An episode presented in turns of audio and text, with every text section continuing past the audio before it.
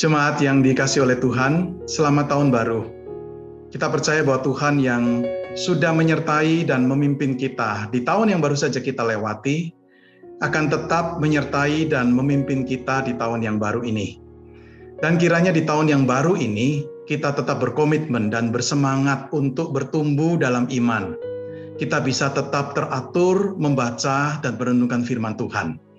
Kita bersyukur untuk sarana-sarana yang disediakan oleh Sinode GKY untuk menolong kita dalam membaca dan merenungkan firman Tuhan. Renungan Gema dalam bentuk tulisan ataupun refleksi Gema dalam bentuk video dan audio. Kami berharap sarana-sarana ini bisa dipakai dan dimanfaatkan dengan baik oleh setiap jemaat Tuhan. Kiranya Tuhan sungguh memberkati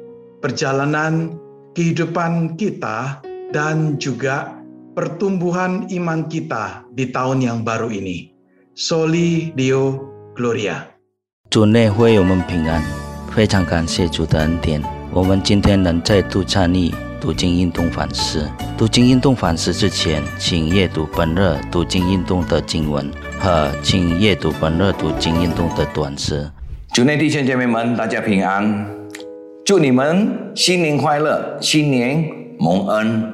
我们已经进入了二零二二年，感谢上帝的带领，在二零二一年啊，现在我们已经进入二零二二年，我们要来到他的面前，我们要恳求他不断的带领我们。他怎么样带领我们去年，他也带领我们在今年。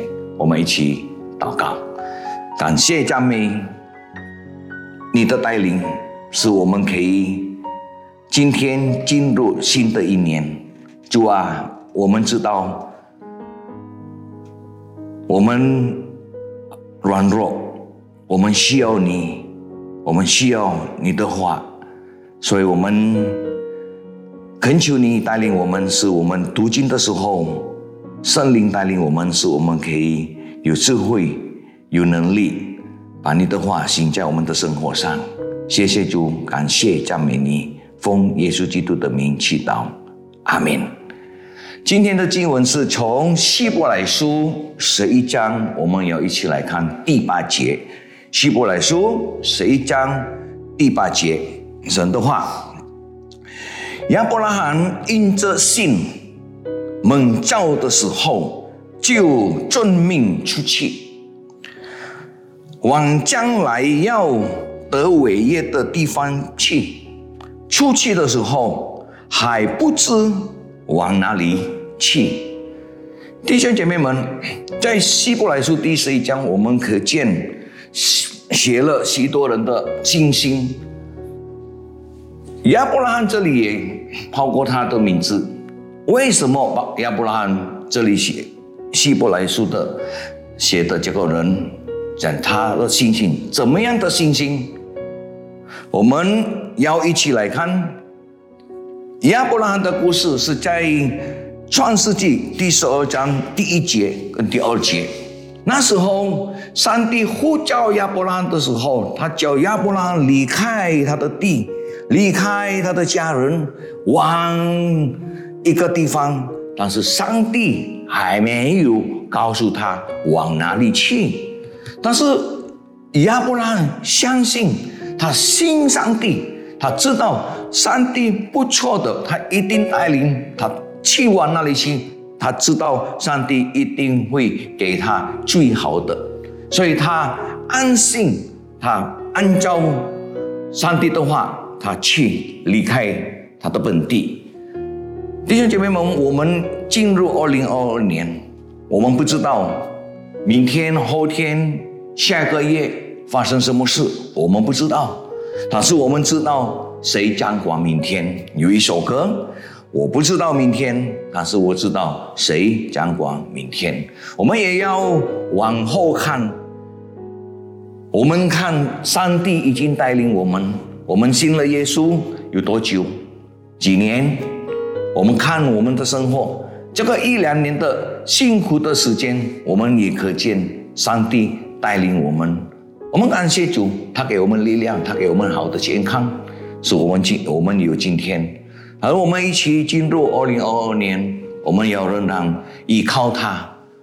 我们面对困难的时候，我们知道我们有上帝照顾我们。我们刚刚庆祝圣诞节，圣诞节伊玛内里，伊玛内里，耶稣是伊玛内里，耶稣来到世界上，伊玛内里的是伊玛内里的意思是上帝与我们同在，他与我们同在。呀，我们快乐的时候，上帝与我们同在；我们辛苦的时候，我们有困难的时候，上帝也仍然与我们同在。所以弟兄姐妹们，我们要。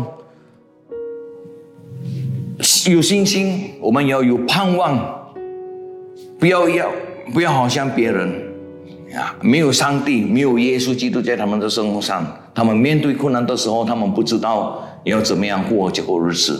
但是我们基督徒，我们信了耶稣，耶稣与我们同在，他来到世界，他降生，他在十字架上牺牲，是为了要赐给我们永生。所以弟兄姐妹们，今天我要祝你们新年蒙恩，也为你们祷告。我们这个整个年，我们也有信心，我们不断的与他同在。现在教会已经让我们来到教会，我们有没有到教会？我们有没有去教会敬拜上帝？我们，我鼓励你们。不要说哦，我们在家里，我们还有电视，我们还有这个书，我们还可以这个 online，所以我们在家里，我们如果有时间，我们要抽出时间，我们要去上帝的圣殿敬拜他，是我们可以在我们的灵命上有好的成长。不要怕，上帝与我们同在，所以。愿耶和华赐福给你们，愿耶和华与你们同在，愿耶和华赐给你们平安快乐，是最重要的。我们的每一天，三百六十五天，我们不要离开上帝。我们的这个读经运动，凡是每一天，包括星期六、星期天，我们也有。虽然我们星期天我们已经。有除了崇拜，但是我们也要抽出时间来读上帝的话，聆听上帝的话，使我们可以有好的成长在我们的灵命上。感谢赞美主，愿耶和华赐福给你。我们一起祷告。主啊，我们知道我们是软弱的，我们不知道明天发生什么事，我们不知道我们的未来。但是我们有上帝，我们有耶稣基督在我们的生活上，我们知道耶稣是以马内利，上帝与我们同在。所以在进入二零二二年，我们恳求你带领我们，也赐给我们一颗心，要。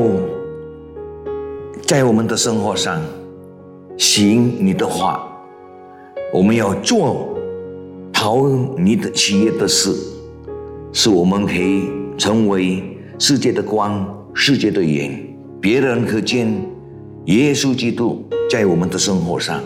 谢谢主，感谢赞美赞美你，奉耶稣基督的名祈祷，阿门。